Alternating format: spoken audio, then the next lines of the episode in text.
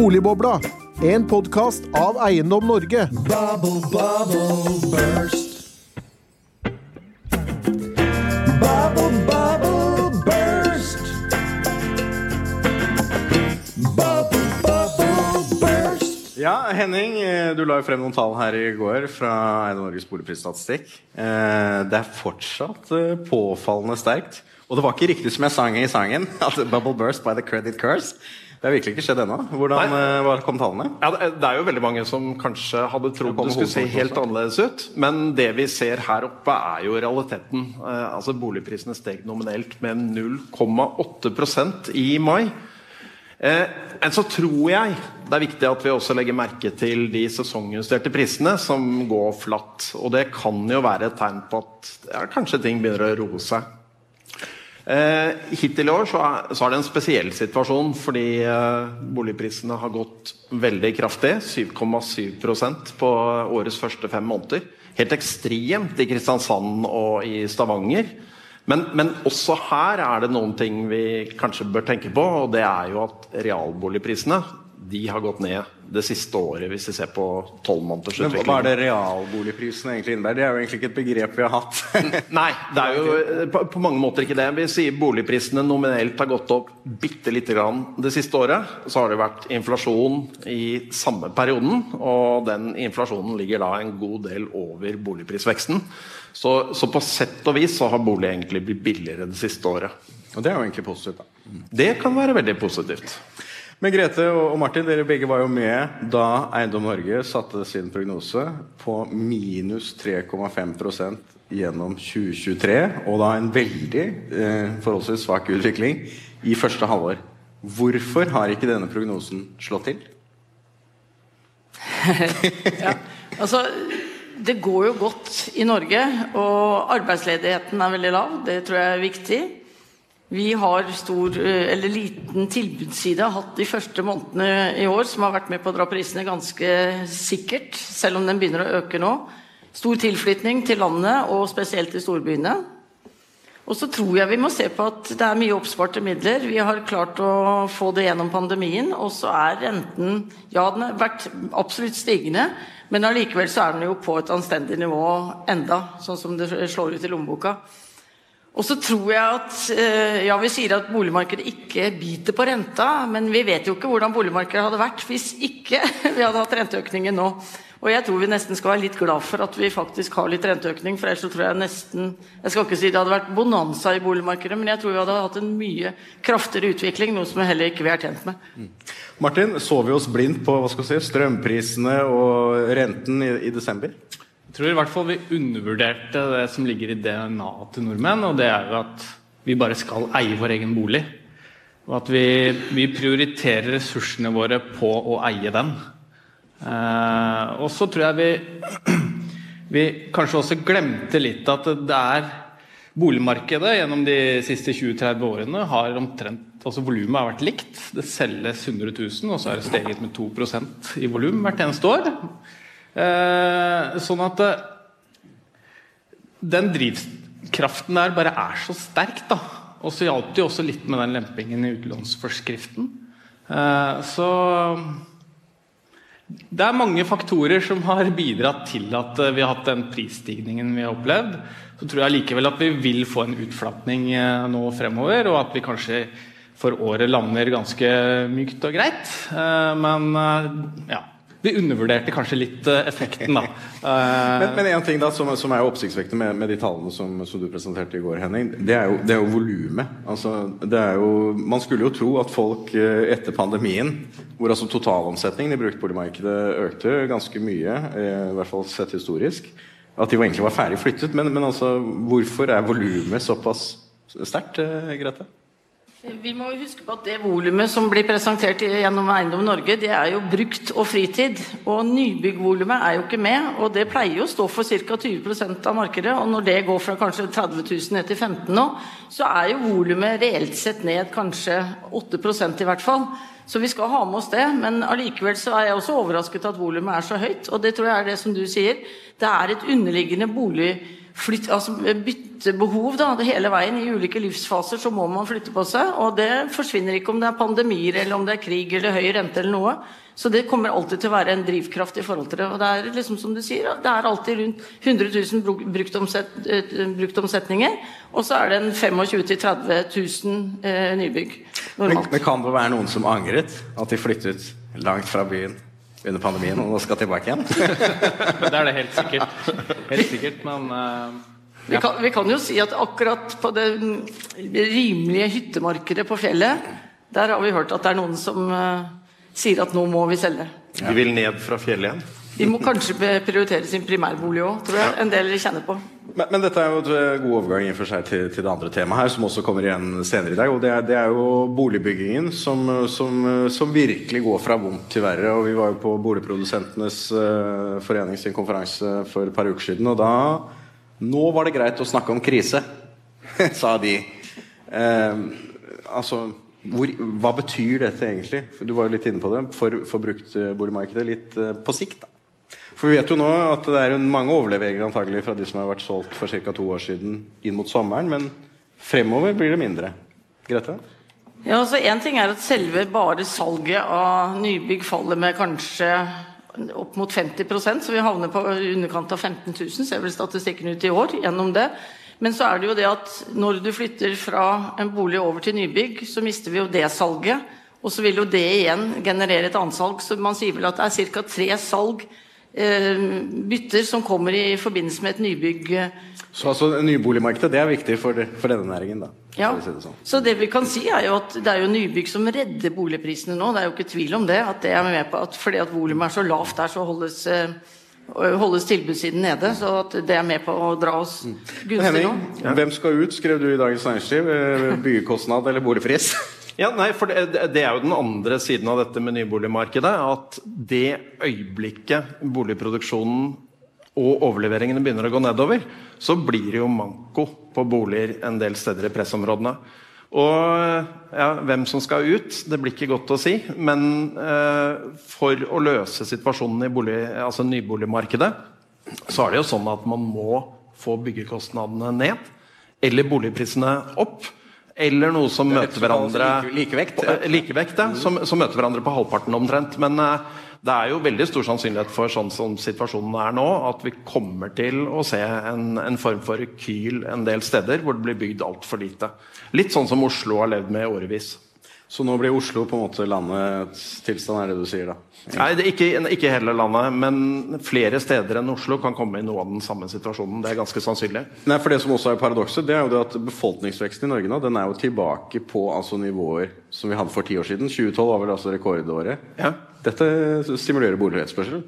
Ja, da, altså vi, er, vi har jo hatt kvartaler som har hatt den høyeste befolkningsveksten noensinne i, i Norge. det er klart Dette gir boligetterspørsel. Veldig mange er ukrainske flyktninger, en del arbeidsinnvandrere osv.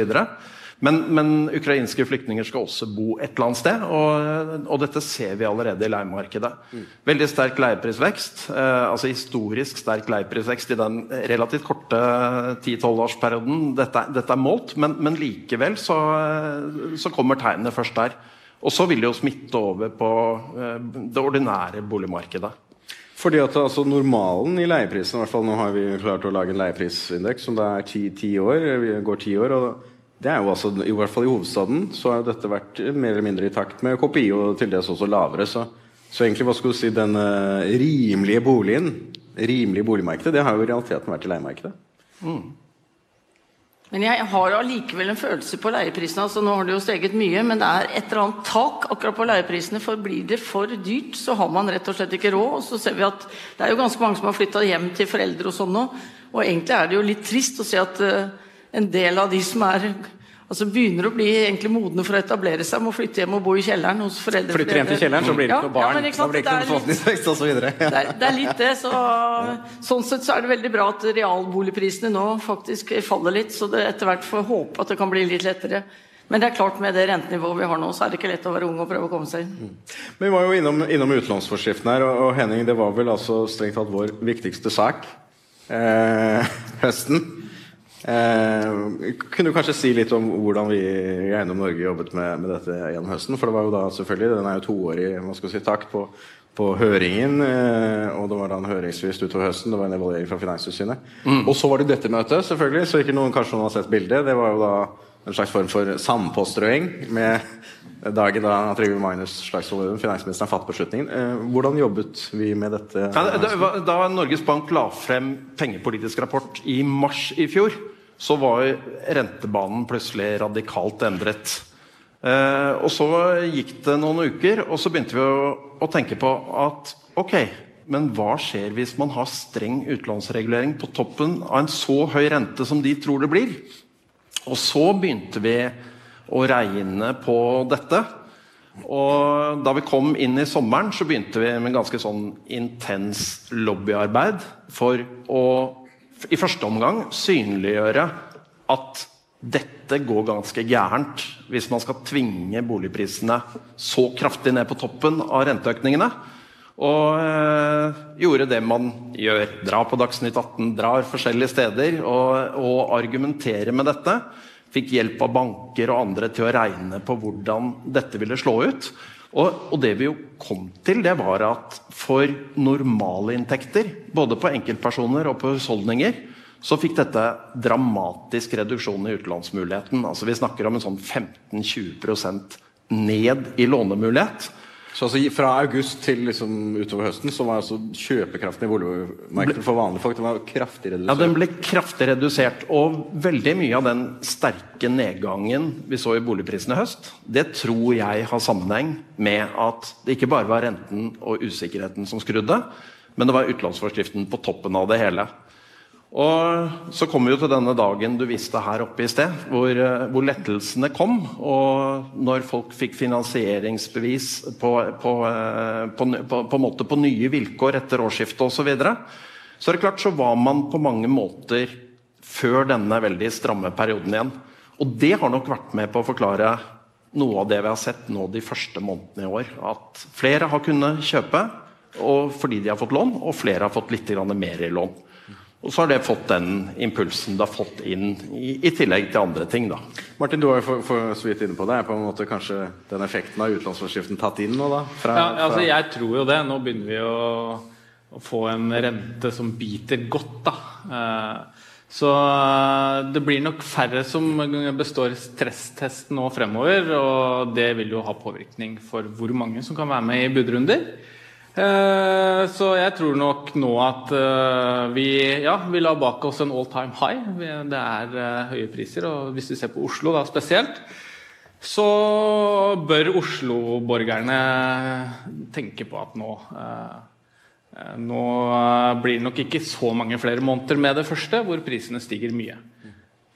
Så det jeg tror vi har sett ja, Det var all time high nå, så vidt.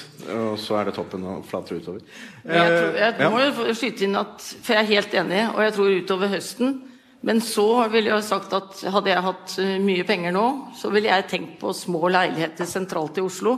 For det å kunne gjøre gode kjøp nå utover høsten, og at prisene i Oslo kommer til å stige ganske mye de På kommende sikt, årene. Litt på sikt.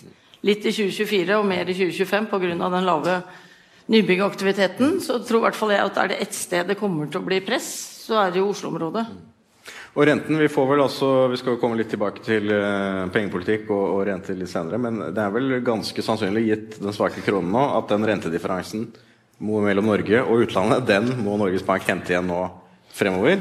Og det sier kanskje to eller tre renteøkninger utover året. Så det vil også bli mer moderat. Jepp. Men Henning, det er en annen viktig sak som, som du jobbet med, og var jo dette. Ja, Skatt matt på 1, 2, 3. Altså, det var jo ikke bare 1, 2, 3. utlånsforskriften som da var på høring eh, rett før, eller kom ut rett før jul. Det var jo også Skatteutvalgets utredning. Eh, og det de foreslo, var jo mm, i realiteten en betydelig skatteskjerpelse av bolig, med gjeninnføring av den såkalte fordelsbeskatningen, som da ble, ble avskaffet for en 20 år siden ca. Eh, og så skjedde dette. Nå må du fortelle. Ja, eh, og, eh, altså det var jo sånn at Denne fordelsskatten eh, den var beskrevet sånn at man skulle se på hva som var leieverdien for boligen. Eh, og så var man litt usikker på hvilken prosent av verdien dette skulle representere. Men man skulle i hvert fall begynne med 1% av verdien. Og så skulle man opp til et eller annet nivå man ikke definerte. Kanskje 3-4% eller noe sånt av boligens verdi. Så man skulle fase inn en type boligskatt over tid da, med leieverdi. Og, og, og over tid lå i forslaget. Og så skulle man da betale 22 eh, skatt av det beløpet man kom til. Og det må jo sies, Øystein Olsen sier jo det, det er ni av ti samfunnsøkonomer som ønsker dette.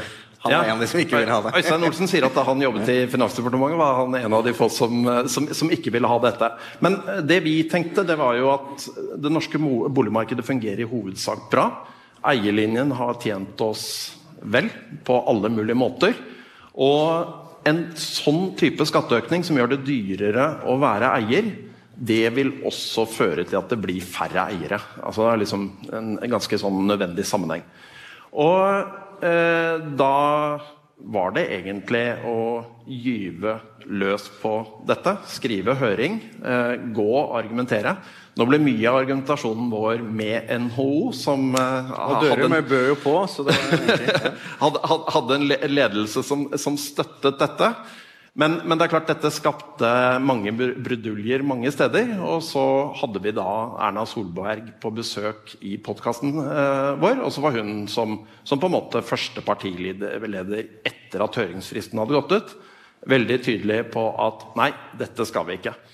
Og så gikk det bare noen dager, og så kom Vedum og kunne forsikre det norske folk om at det blir ikke noe boligskatt. Og, og i praksis, altså i realpolitikk, så vil jo dette sannsynligvis innebære, da, hvis Erna Solberg blir statsminister igjen i 2025, eh, at, at det, det ikke blir noe endring av boligskatten i Norge. I hvert fall kanskje ikke dette tiåret. Nei, det er jo ganske sannsynlig at når man først legger noe sånn i skuffen, så tar det litt tid før noen begynner å sysle med tanken igjen. Men det kan jo hente seg opp igjen av skuffen også. Så. Mange ting har kommet opp gjennom skuffen Nå får vi jo høre Harald Magnus her etterpå. Det er ikke sikkert han er enig, så det er jo også viktig å få frem kontrære synspunkter her. Ja. Men eh, det er jo en veldig bra overgang til det siste temaet vi har satt her. For vi hørte jo da Erna Solbergs eh, hilsen, og det er jo, det er jo egentlig utrolig hva denne bransjen har bidratt med av produktivitetsfremmende tiltak. Martin, altså Går det an å få noe mer effektivt boligmarked enn det norske boligmarked? Ja, ja. Altså, ja, vi har fått til mye, men det er jo et hav av muligheter. Og i disse Det er mange, det er mange, Ja, ja, mange ting å digitalisere igjen. Ja, ja, altså. men, eh, ja. Og ref den talen, altså, og ESG, som det er så mye snakk om. Så én ting er at det, har redusert mye tid og papir og sånne ting. Og det er jo én. Og det er jo grønn bolighandel også. Da. Ja, ja, ikke sant? Men eh, vi har jo en veldig viktig rolle innenfor S-en, som det ikke blir snakket så Altså, om. det sosiale. Ja, og den, den samfunnstilliten som vi representerer, da, eh, som et, kall det et Nav, hvor vi tar imot alle transaksjoner, eh, og bruker vanvittig mye tid, altså meglerne og fagfolka i vår bransje bruker vanvittig mye tid på å kontrollere eh, avvikene. Og vi ser jo med invasjonen av Russland hvor viktig dette faktisk er. Nettopp. Altså, det så, så fremover, ved å innovere veldig mye mer på det området, så får jo så får jo vi frigjort veldig mye tid og ressurser som vi kan bruke på de der få avvikene. Og virkelig sørge for at alt eh, er som det skal. Da. Eh, og da tror jeg staten og Finanstilsynet blir glad. Eh, for vi bruker for mye tid på det nå. Eh, så ja. Nei, må, må jeg bare si én ting, da, og det er litt morsomt. Vi hadde På fredag så hadde vi besøk av IMF, Det internasjonale pengefondet. Som, som jo på en måte kommer med, med råd til Norge. Og så snakker Det er vi som har gitt skatterådene, blant annet. Ja, det er de som har gitt skatterådene blant annet. Men så, så hadde vi en ganske grundig gjennomgang av det norske transaksjonssystemet og den tiden det tar, og disse effektiviseringstingene som har skjedd. Og de var jo litt sånn lamslått, rett og slett. Altså det var sånn du tenker på mm, Kanskje det ikke er sånn at avvikling av et leieforhold går veldig mye raskere enn å bytte en eid bolig. Eh, så jeg tror, tror på en måte de ble både imponerte, men fikk også noen nye tanker inn i hodet. Skal vi se, Grete. Jeg bare kommer litt sånn tilbake til altså Ja, vi har kommet langt, men vi har jo enormt mye vi kan gjøre, kall det innenfor ESG-området. Altså Bare det med boligmassen nå, som etter hvert kommer til å bli krav om å oppgraderes. Rolle- Energieffektivisering, Ja, ja. ja, hvordan kan vi komme inn som aktører? Jeg mener jo at her må vi komme og ta en posisjon. Det er den ene delen. Det andre er jo i flytteprosesser. Altså hvor mye er det ikke vi kaster, eller når vi pusser opp? Her er det stort mulighet for gjenbruk. Tenk deg igjen hvis vi kunne komme inn som rådgivere der og så gjøre Så jeg tror at vi har bare så vidt begynt å lukte på de Bare så vidt begynt, ja. Martin, du, har- du har 30 sekunder igjen her, så er jeg på Ja, ja, nei, jeg vil- jo bare si at De tiltakene som har, har, har blitt innført, har jo vært bra eh, for oss og for forbrukerne. For det har gjort til at vi fremdeles kan levere den billigste tjenesten innen vår bransje eh, i verden. Eh, så, og beholde eh, folk som er flinke. Da. Eh, så det tror jeg har vært viktig. Og vi trenger å, å gjøre veldig mye mer for å holde på de flinke folka. For de gjør en god jobb. Det er veldig bra. Fremtiden er så lys at vi må bruke solbriller. Yes. Takk til panelet.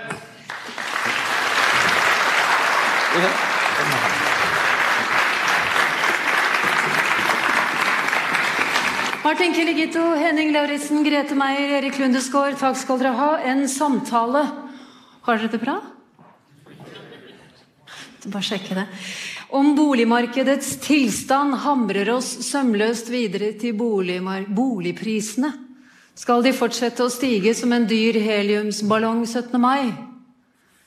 Det vet vi ikke. Her kommer sjefsøkonom Sparebank1 Markets, Harald Magnus Andreassen. Fin gjeng!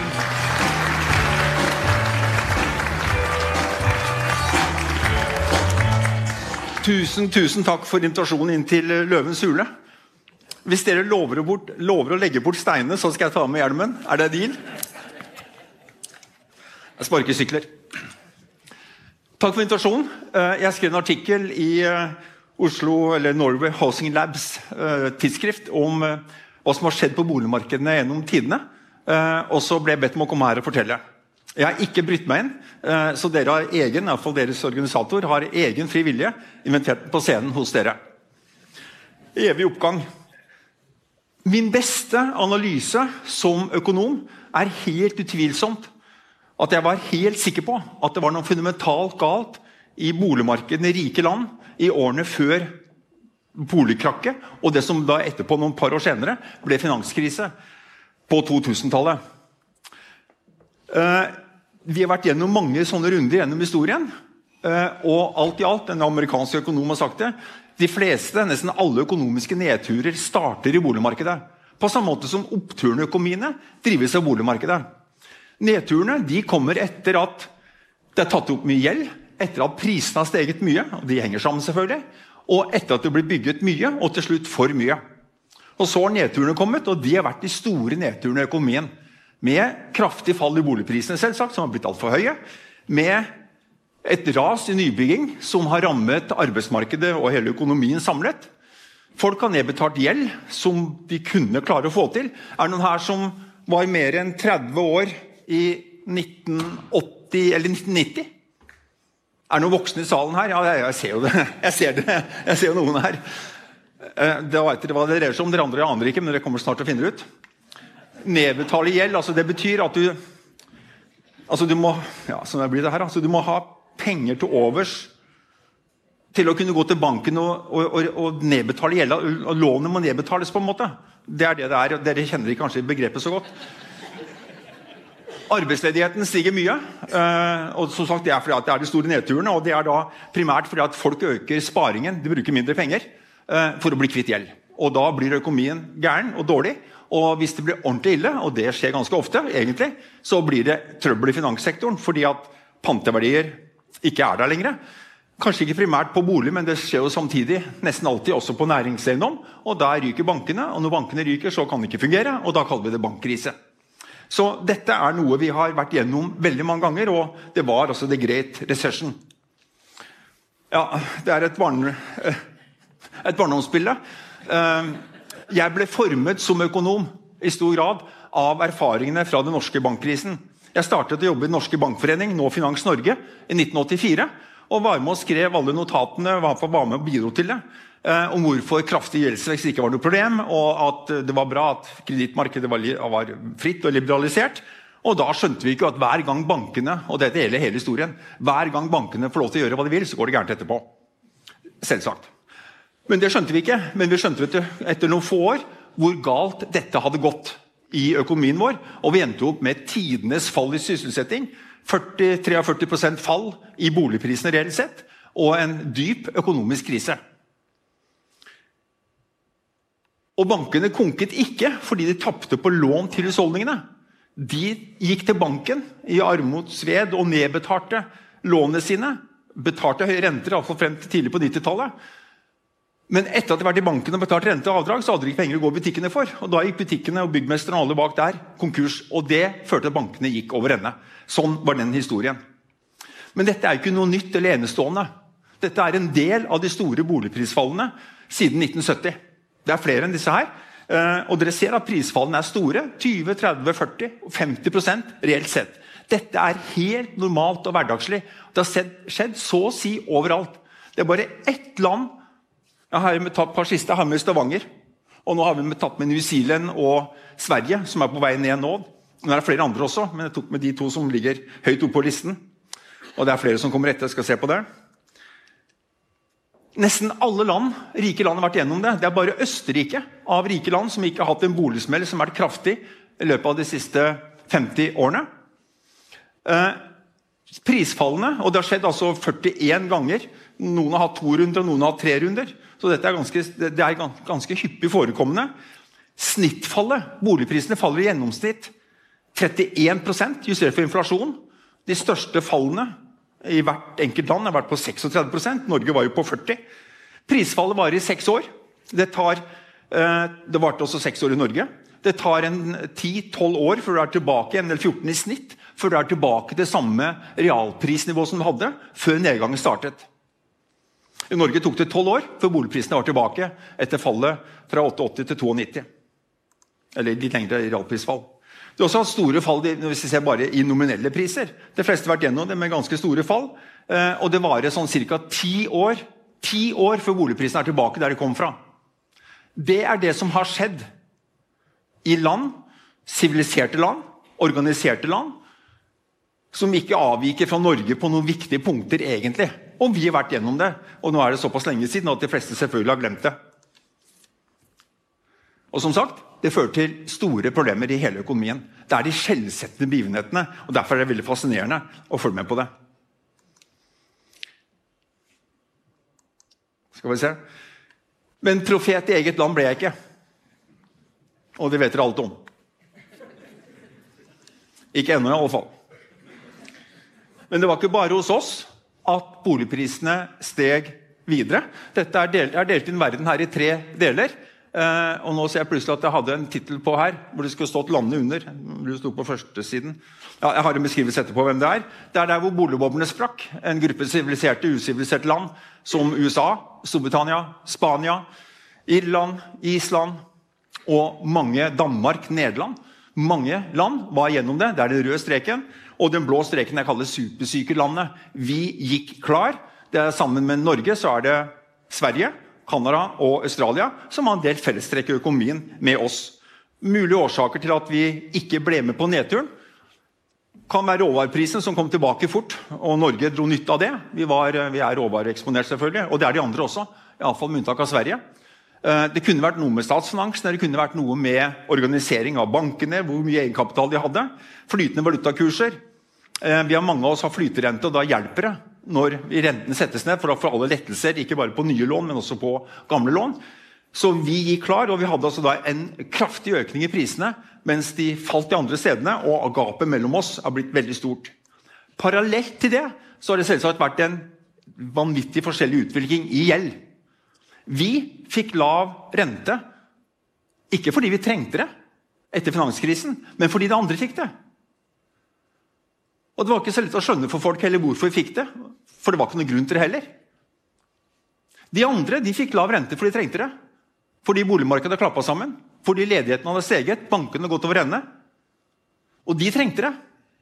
Og de brukte lav rente til å nedbetale gjeld faktisk frem til nå. I forhold til inntekten deres. Og Forskjellen mellom oss og de andre nå det er ca. tre kvart årsinntekt i gjeld. Det er startpunktet for analyse av risiko og analyse av utsiktene. Norge er det landet nå som ligger med høyest gjeld i forhold til inntektene. Danmark har nedbetalt. Nederland har nedbetalt. Amerikanerne har nedbetalt mye. Og i rike land samlet har husholdningene redusert gjelden sin vesentlig i forhold til inntektene. Vi har økt gjelda kraftig. Og Norge ligger på topp. Og ikke bare det. Vi har vel bortimot den høyeste, om ikke den høyeste, andelen med flyterente. Og det betyr selvsagt at når renten stiger, så betyr det ikke bare for de som skal kjøpe bolig på nytt og må inn ut i markedet og låne på nye betingelser, men selvfølgelig reprising av all eksisterende gjeld. Og Gjennomslaget fra pengepolitikken fra rentene er ekstremt mye større hos oss enn noe annet sted. Pga. kombinasjonen av høy gjeld og flyterente. Det gjør da at Norges Bank ikke trenger å øke rentene så mye, selvfølgelig, som andre må gjøre. Det er ikke bare korte renter som har steget. Og dere kjenner tallene. alle har. Renten er steget fra, satt opp fra 3,25 og opp til over 5 i USA. Australia kom på nyen i dag, og er, hele gjengen er på vei oppover. Alle har satt opp rentene som følge av at inflasjonen ble for høy fordi vi holdt rentene for lav under pandemien. Stimulerte for mye via finanspolitikken, og vi ble fullstendig ubalanserte. Men også lange renter har steget. Renteoppgangen ut på rentekurvene skyldes ikke frykt for at det skal bli høy inflasjon lenge. Dette var markedet for i mange land, ikke Norge, men vi har det her for USA. Renteoppgangen skyldes ene og alene at realrentene har steget. Var det inflasjonen som vi trodde skulle bli høy fremover, høy lønnsvekst høy inflasjon, så er vel høye renter å leve med. For da øker inntektene våre raskere enn før. Det tror ikke markedet kommer til å skje. Hvis det skulle skje, så blir rentene i så fall høyere enn det markedet nå venter. Økningen i realrentene motsvares ikke av økt inntekt, økt realinntekt noe sted. Det er ingenting, ikke ett argument for at veksten i realinntektene skal være høyere enn det vi har trodd over de 15 siste årene. Dermed er renteoppgangen ondartet, for det motsvares ikke av en sterk økonomi som genererer økte inntekter over tid. Det er normalt årsaken til at rentene stiger. Og Det er årsaken til at det normalt går bra på boligmarkeder og på aksjemarkedet og rentene stiger. Fordi det er et signal med sterk økonomi som folk tror kommer til å vare. Det er ikke tilfellet i dag. Og Her er en dekomponering av kanskje verdens viktigste rente. Dette var gode selskaper i USA, og det er helt parallelt Europa og Norge kan låne penger til. I bunnen ligger den realrenten som staten må betale, som har gått da fra her, fra minus 1 til pluss 1,5. Det er 250 basispunkter i økt realrente uten at noen inntektspost har steget. Og Det er det grunn til at alle Nåverdien av alle fremtidige kontantstrømmer er kraftig redusert. For ingen kan drømme om at de kontantstrømmene er høyere enn før. Med unntatt av en liten KPI og lønnsjustering akkurat nå. Kapitalkostnaden for staten har steget fra minus 1 til pluss 1,5. Påslagene i kredittmarkedet for banker, for bedrifter som skal låne, er by and large doblet. Og de lå fra det laveste vi har hatt på et par til tiår, til nå omtrent midt på treet. Og så kommer inflasjonen på toppen, hvis vi ønsker å regne med den.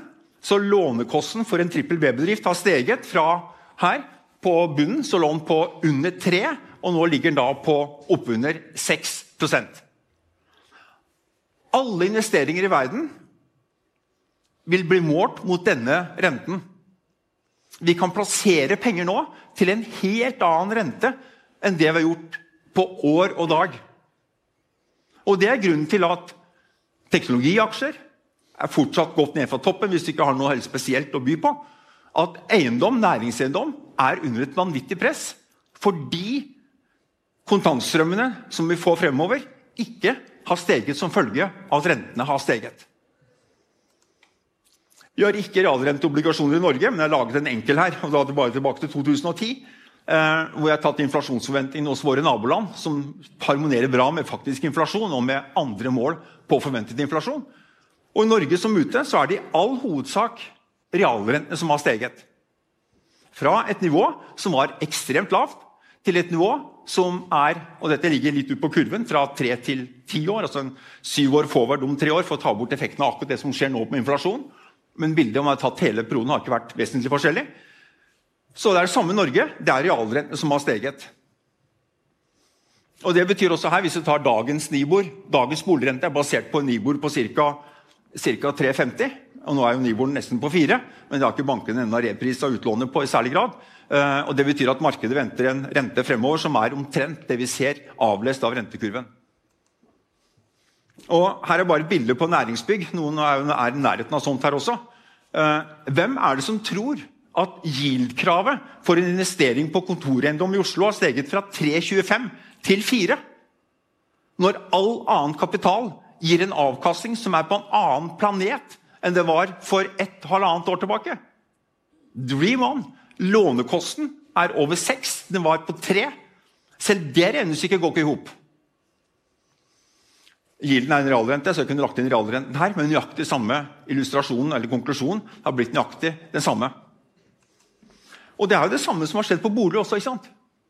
Det er jo ikke det at leiene har steget, ifølge Eiendom Norge. De stiger nå, men de er på samme nivå i dag som for ti år tilbake. Det som har skjedd, er at boligprisen har steget. Fordi kravet til avkastning på bolig har falt fordi rentene har vært lave. Uten grunn. Helt rasjonelt. Men holder det når renten er tilbake der den er for ti år siden? Har tatt grafen her tilbake 20 år, så har boligprisene, realprisen, eh, realleiene, husleiene, har nesten ikke steget reelt sett over 20 år. Boligprisen har steget kraftig, og forholdet mellom de to er doblet. Det betyr altså at dealen er halvert. Fordi rentene var ekstremt lave, og som sagt, uten at folk hadde noen grunn til å være bekymret for økonomien av den grunn. Hvis det er en grunn til at renta er lav, at økonomien er dårlig, så fungerer ikke lav rente som stimulans. Og den funker som det, men Du ser ikke effekten for at folk skal gjøre unna og gjøre opp gammel moro.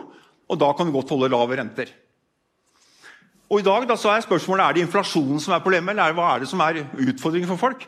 De som ikke har gjeld, null gjeldsgrad, har selvsagt fått et fall i kjøpekraften som følge av inflasjonen. Det er den grå streken. Den er så vidt nær ned fra toppen, fordi da det var et par prosent glippe mellom lønn og pris i fjor. Men har du tregangeren eller femgangeren, så er utslagene på inntekt etter rente og skatt formidable. Jeg kunne lagt på en annen graf, jeg glemte å legge den inn, som hvor stor del av, av inntekten din du må bruke for å kjøpe en bolig i dag. Gitt rentefradrag, gitt eh, kapitalkostnaden samlet, som har steget enten du ser på krav til egenkapital eller på det du skal låne, så er det altså en, en Ja, dere vet jo selv. Renten er gått to og en halv gangeren. Og utgiftene er nå blant de høyeste vi har hatt siden 80-tallet. Og at ikke det skal påvirke betalingsvilje og evne over tid, er svært lite sannsynlig. At ikke folk har skjønt det ennå, er en annen sak, men det pleier å ta litt tid før det går opp for folk hva som egentlig har skjedd. Og her er boligprisene. De er på vei ned nå i de fleste land. De har falt mye, der de, særlig der de har steget mye. Og Under pandemien så steg boligprisene på New Zealand og Island, på Island med 50% Men som dere vet, New Zealand og Island er plaget av helt åpenbare problemer. Det er ikke tilgang på tomt noe av de to stedene. Det vil si, det finner dere kanskje ut nå, at tomtegrunnen ikke er så knapp heller. Og nå faller prisene. Hvor dette kommer til å ende, det vet jeg selvfølgelig ikke. Men det er spennende. Norge ligger høyt oppe, selvfølgelig, sammen med de andre supersyke landene som fikk lav rente ufortjent og uten at det var behov for det for 15 år tilbake, og hatt lav rente deretter. Dette er en graf for boligprisene i en gate, hvis ikke en gate, en kanal, i et lite land nede i Europa, hvor rikfolk har bodd gjennom århundrene. Har en dreft inn gaten, kanalen i eh, Amsterdam. Og som dere ser her, her har det vært, og det står på nederlandsk, men dere kan jo skjønne omtrent hva det er for noe på de ulike begivenhetene. Eh, boligprisrekorden første gang var i, i det rene i euro, med justert for KPI. Vi håper at jeg har god mål for det. Det var i 1736, eh, og den prisrekorden ble slått først i 2008. Sånn er historien over lange løp på bolig.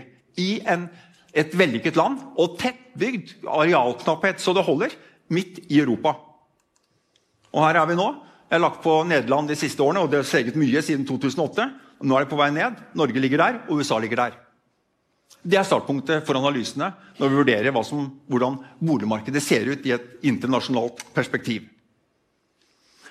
Som noen sier, det nytter jo ikke å få prisene ned, for det blir ikke bygget nok. Er det noen som er fra Stavanger her? Har tatt det? Ja, det har tatt det råd til å komme over nå, for nå begynner det å skje ting der borte. Og det er bra. Stavanger var nummer to i landet, bak Oslo, foran Asker og Bærum. Iallfall da tallene ble publisert i 2013. Så begynte det å falle, ble bygget for mye. Så kom oljesmellen. Og i løpet av få år hadde Stavanger falt fra andreplass til ellevteplass. Og konkurrerte med Hamar med Stange.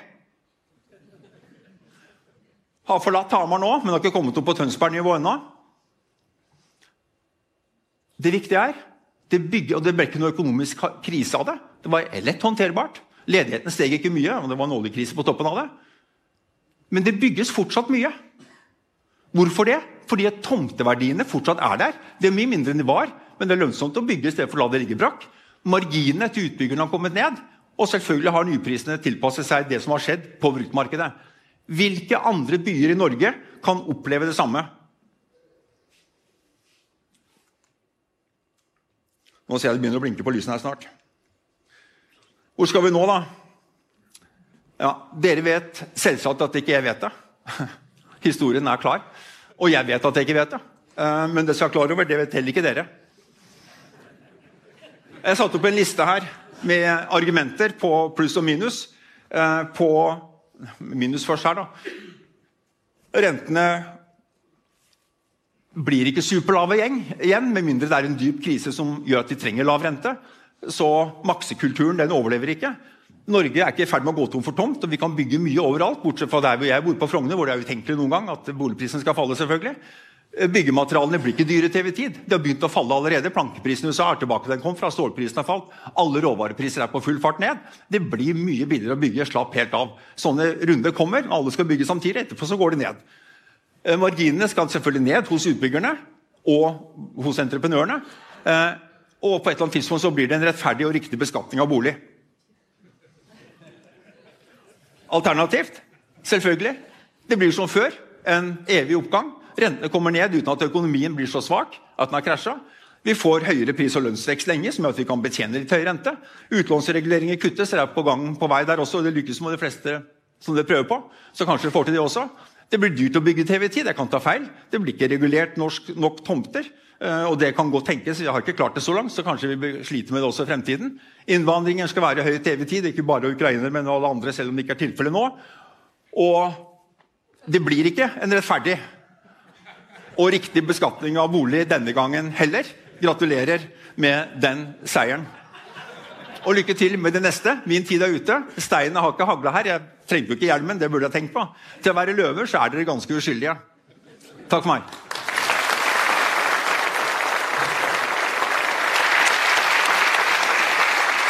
Harald Magnus Andreassen. Dette økonomipedagogiske verbalfyrverkeriet er blant eh, toppbrukerne av sparkesykkel i Oslo. Han er også blant de raskeste. Derav sykkelhjelmen.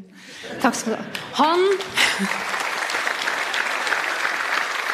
Han fikk også umiddelbart trang til å være med i vår neste panelsamtale eh, under tittelen 'Hvor slutter politikken i pengepolitikken?' Vi kunne også snudd på det og spurt 'Hvor begynner politikken i pengepolitikken?' Og vi ble enige om backstage her at dette er noe som mangler som tema i mye offentlig eh, samtale og debatt. Så her har vi muligheten til å rette på det. Her kommer paneldeltakerne. Stortingsrepresentant for SV Elisabeth Kaski. Stortingsrepresentant for Høyre Mahmoud Farahmand. Kom igjen! Sjefsøkonom Sparebank1-gruppen Elisabeth Holvik. Velkommen, velkommen, velkommen. Forsker ved Handelshøyskolen, BI, Espen Henriksen. Det er han. Og her, han kjenner dere jo, Erik Lundesgaard. Ja, Kari. eh, Du sa bak her, og vi hørte jo den andre Kari si der også, det er for lite diskusjon om pengepolitikk. Eh, Du har levert et forslag i Stortinget som riktignok ble nedstemt på onsdag, som ikke fikk flertall, om oppgradering av eh, pengepolitikken. Hva har du har foreslått, og hvorfor har du foreslått det? Ja, for får starte med hvorfor først, så er det jo som det ble sagt her altså, eh, I ordet pengepolitikk så ligger jo politikk. Vi mener det er politikk. Sentralbankens mandat det utgår fra, fra Stortinget. Vi behandla det sist i 2018 på Stortinget. Så har det skjedd mye siden sist. Og, og noe av det som hvis du ser på en måte pengepolitikkens historie da, og, og hvordan eh, mål som sentralbanken har styrt etter opp igjennom, så har jo det variert ganske mye. Sant? Vi har hatt alt fra gullstandard og sølvstandard til ulike typer valuta, kursmål, faste og ikke-faste, og ulike typer inflasjonsmål. Um, og ofte så har pengepolitikken vært reaktiv. At man liksom innser i etterkant av finanskrisen at man har vektlagt hensynet til finansiell stabilitet altfor lite. Å, da må vi ta inn det. Så eh, vi ønsker å ha en større debatt nå om pengepolitikk, nettopp fordi at vi står i en situasjon hvor eh, det åpenbart er høy inflasjon. Eh, vi diskuterer mye årsaken til det, hvor mye av det er importert. antagelig ganske mye. Det er ikke helt i samme situasjon som det var på 70-tallet. Eh, og vi vet også at eh, renta virker ikke nødvendigvis på årsakene til inflasjonen i Norge, og også er ganske saktevirkende. Og da mener jeg det er ganske viktig da, å diskutere eh, Når vi da har eh, økt rente som hovedvirkemiddel i, med, med, et inflasjonsmål på 2% er det riktig å bare se på det, eller må vi ta inn hensynet til stabil produksjon og sysselsetting i større grad? Nettopp fordi at der renta virker sakte på inflasjon, så har det mer umiddelbar effekt bl.a. på sysselsetting og på produksjon. Og særlig sysselsettinga er jo viktig, bl.a. for et parti som SV, også for regjeringa, at man skal ha Eh, man skal ha høy sysselsetting. Eh, folk skal i arbeid. Eh, og folk er jo i arbeid, da. Ja, også, men så bruker vi å si da at det er liksom, si, finanspolitikken og pengepolitikken skal trekke i lag og jobbe for det samme, men akkurat nå gjør det egentlig ikke det.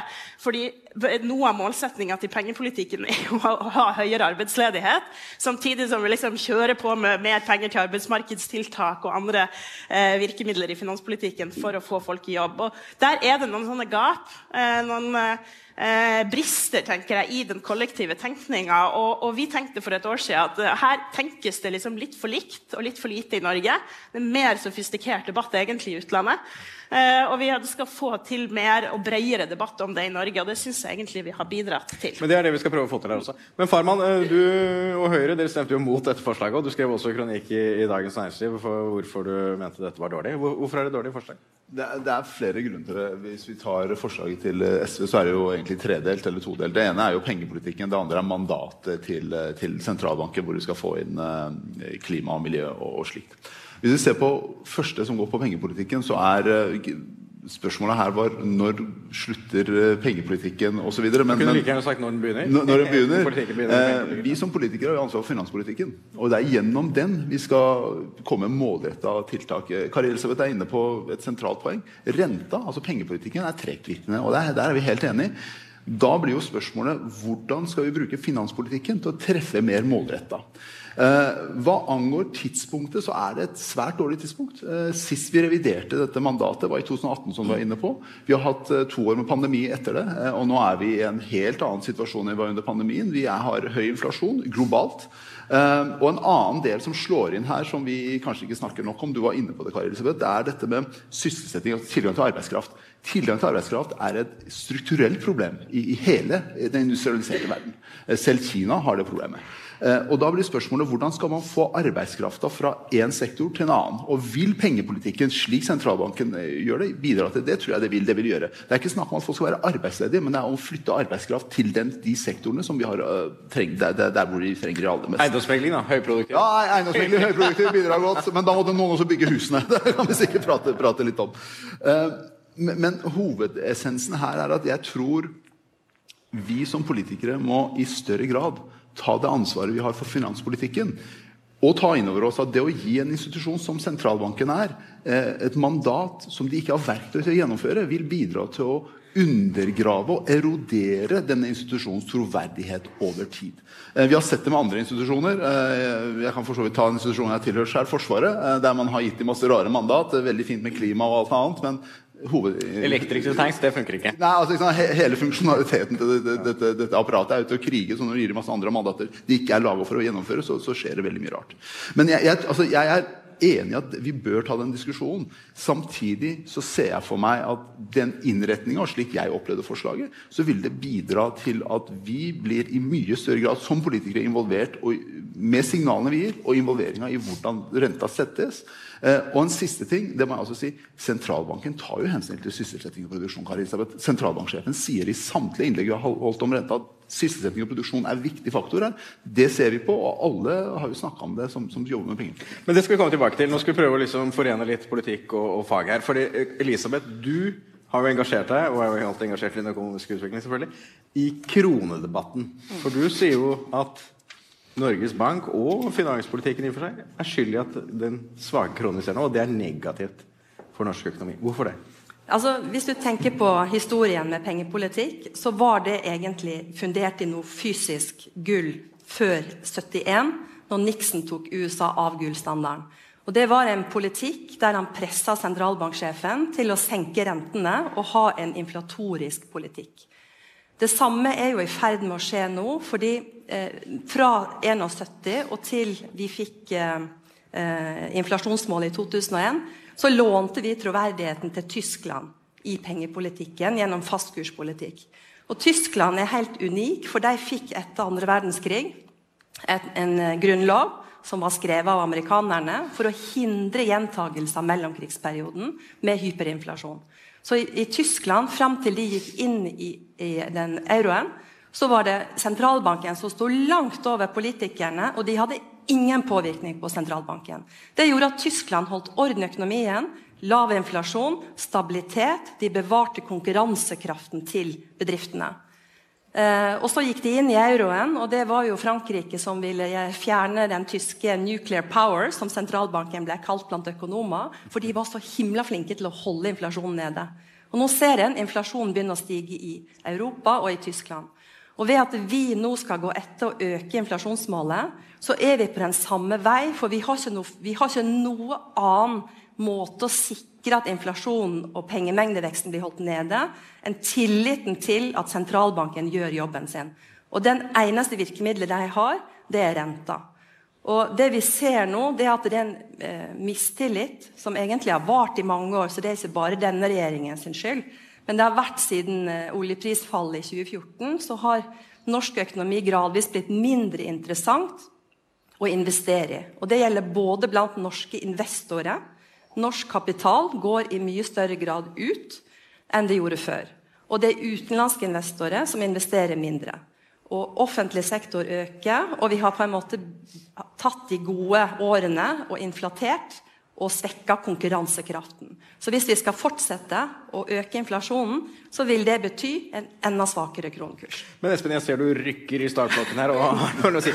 Fordi du sa på bakrommet du var ikke enig, støttet ikke det forslaget.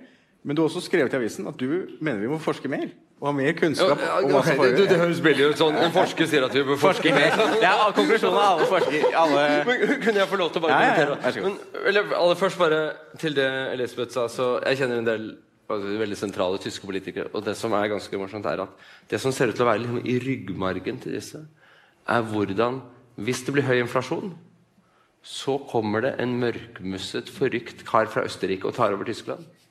Og sender 1000 års stolt historie ned i dass. Så det viktigste vi kan gjøre, er altså, det, Det det, det er bare virkelig det, det, Den sitter i Så det er et eller annet med psyken her som eh, Og kampen mot inflasjon. Men eh, til, jeg kunne ta det med pengepolitikk eh, først, så var det noen sånn faglige betraktninger. For det jeg tror kanskje er viktig, er at vi har en veldig stor grad av ydmykhet for, eh, for hva en sentralbank kan oppnå. Og jeg tror veldig bestemt faglig sett at det ikke er noen avveining mellom arbeidsledighet og inflasjonsstyring. Det det sånn, og dette er viktig at eh, For det første så er, skal vi få til bred, robust reallønnsvekst, så er en stabil pengeverdi nødvendig. Men det andre er at dette er viktig som faglig er at det kan være at når sentralbanken setter opp renta, at en uintendert konsekvens blir at arbeidsledigheten stiger. Men det er ikke nødvendigvis slik at det trenger å være sånn. Det, er ikke, det, er no, det, er, det ikke noe mål for noen sentralbank å øke arbeidsledigheten for å få ned inflasjonen. Det er i så fall en uintendert konsekvens eh, for å nå det. Og det siste i forhold til denne debatten tror jeg er at tror jeg er fryktelig viktig å ha et enkelt mandat for en sentralbank. Altså, vi skal være ærlige, så har de vel kanskje ikke gjort jobben sin altfor godt. Først var inflasjonen for lav. Da fikk de den ikke opp. Så er inflasjonen for høy. De fikk, får den ikke ned. Og da er det ikke, da, de er ikke tidspunktet å si at man skal også være sterkt involvert i det grønne skiftet og likestilling og ulikhet osv.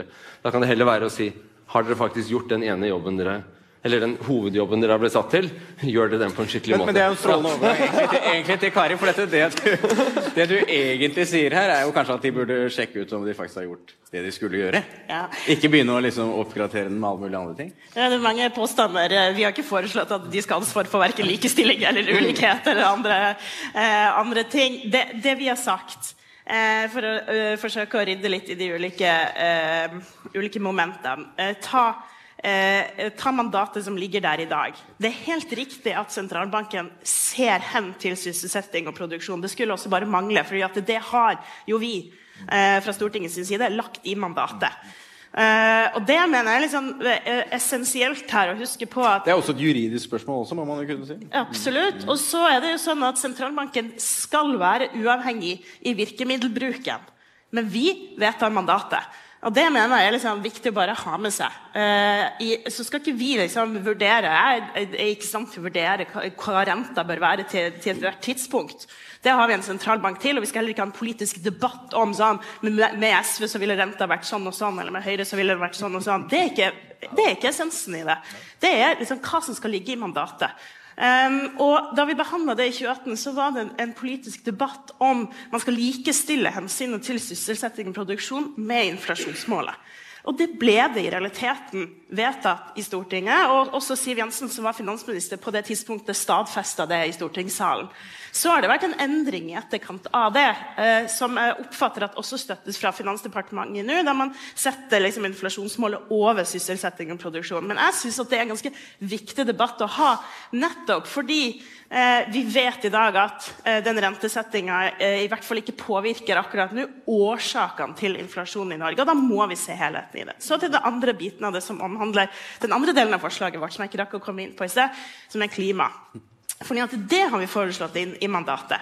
Det er ikke unikt for den norske sentralbanken. i så fall. Veldig mange andre sentralbanker internasjonalt har ulike måter å inkorporere klimakrisa i sitt mandat, bl.a. Bank of England. Eh, og der er også eh, og for så vidt den europeiske sentralbanken. Og Det kan du både knytte til den finansielle risikoen som ligger i klimakrisa, iboende med klimarisiko, men selvsagt også at hvis du ser nå f.eks. hvordan de ulike uh, eller hvordan energiprisene kommer til å variere framover som en del av uh, håndteringa av klimaendringene og klimapolitikken, det slår direkte inn på inflasjonen i Norge. I veldig stor grad. Og det er også viktig tenker jeg, å ha med seg. Bare siste lille punkt om valuta, hvis jeg kan tillate uh, for å bare si jeg er liksom den kontrære stemmen i panelet her, da. Um, det er jo farlig å si liksom, rett før eh, fellesferien og folk skal til utlandet og har liksom, behov for en sterk krone.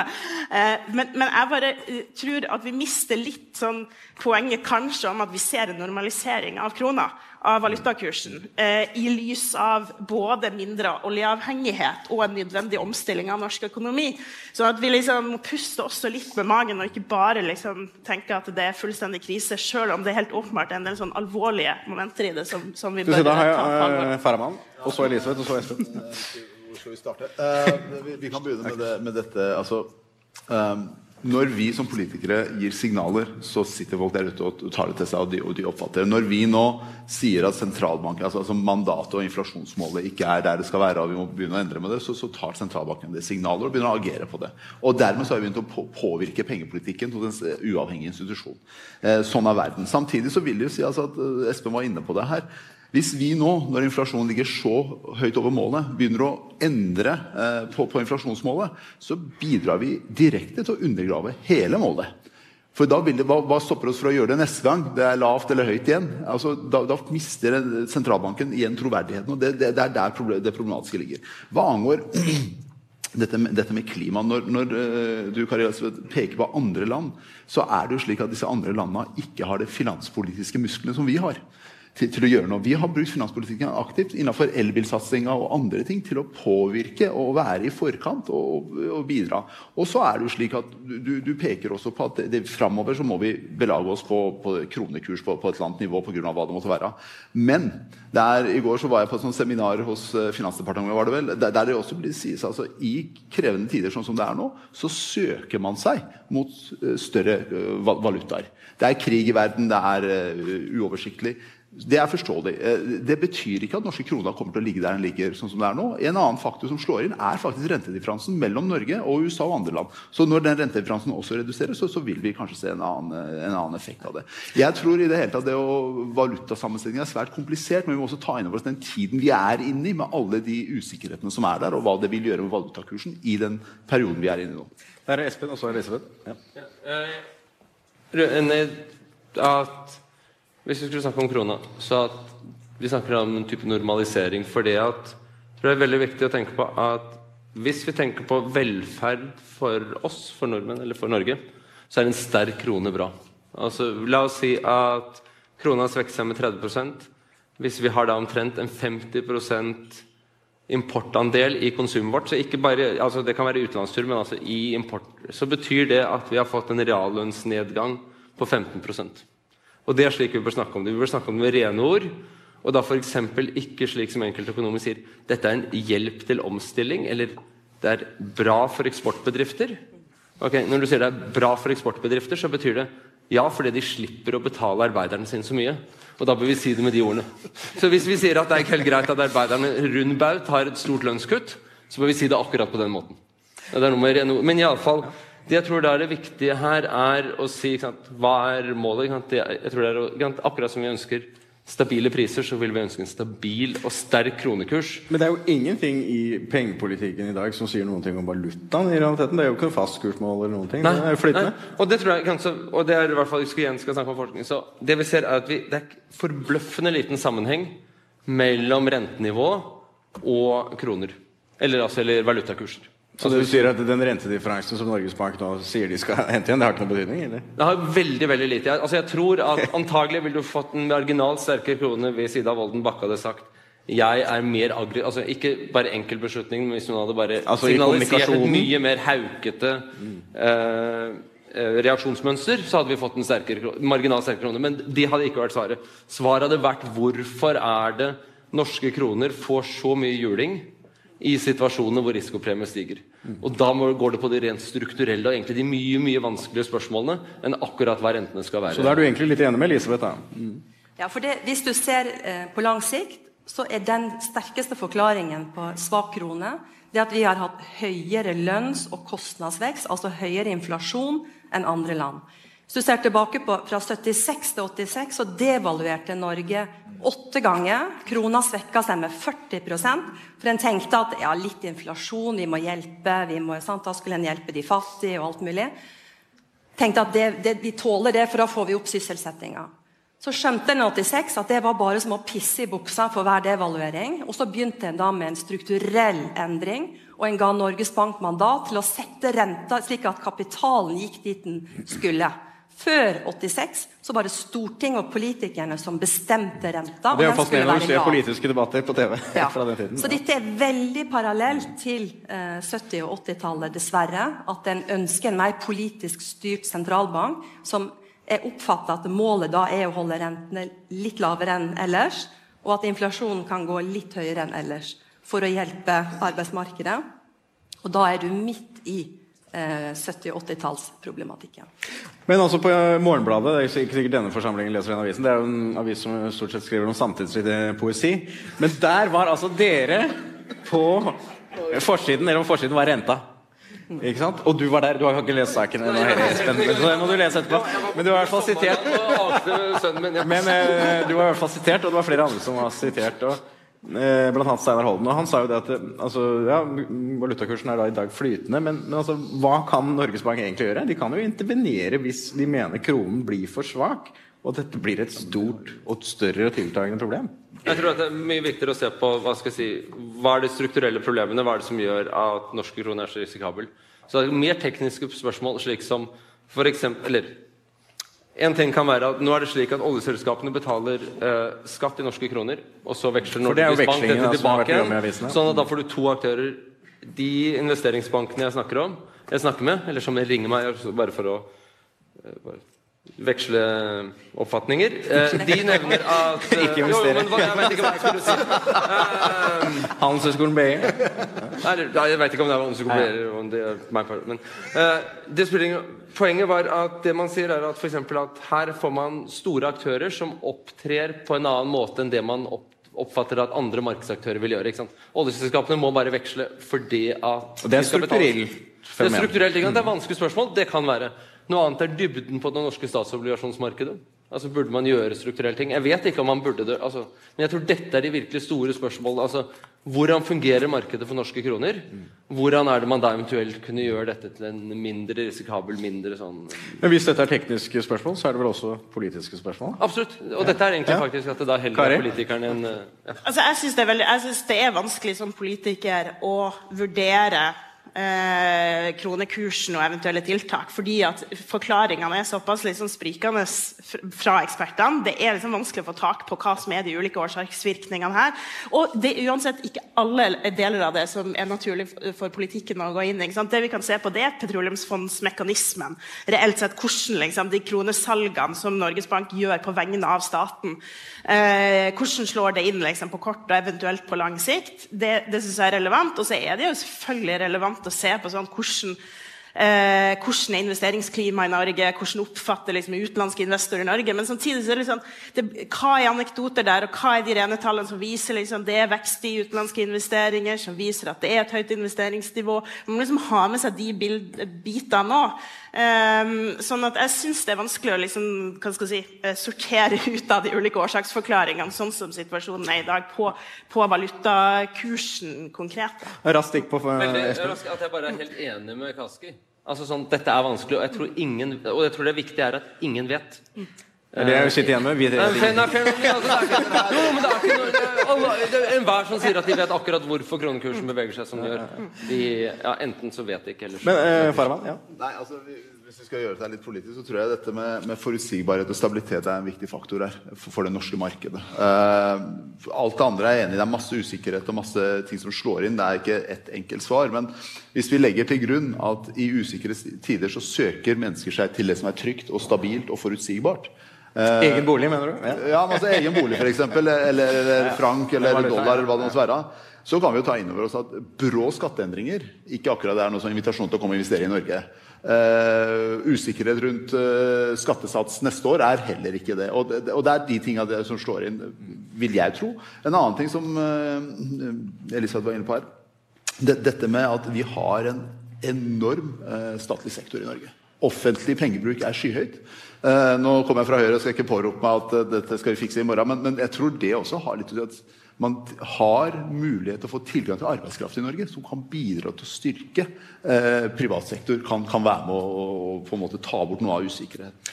Nå er det ett og et halvt minutt igjen. Elisabeth. Jeg tror bare vi må ta inn over oss at vi er en bitte liten land og en liten valuta i verden.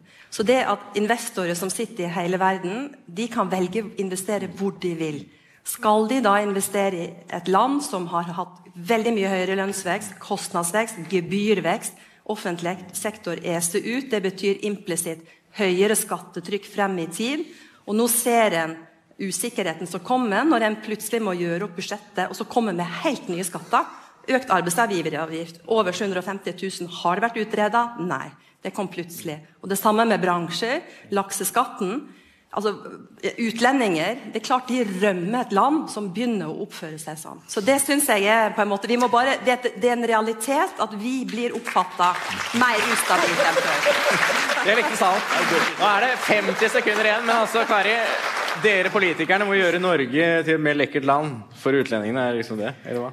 Ja, altså, Nå har jo jeg i alle år fått høre at pga. den særnorske formuesskatten så kommer jo liksom de utenlandske investorene hit og kan investere mye mer enn de norske investorene. Men det gjelder liksom ikke lenger i akkurat denne debatten her, da. Oi, her- her kommer det, kommer det, kommer det. tallene 29 sekunder igjen. viser ikke at utenlandske investorer rømmer inn fra Norge. Det er der du mister meg. Og så er det altså eh, Det er helt åpenbart flere årsaksforklaringer på valuta. Vi er nødt til å diskutere det grundig, men jeg kjøper ikke at det er fordi at utenlandske investorer akkurat nå rømmer Norge. For det er det bare ikke grunnlag for å si.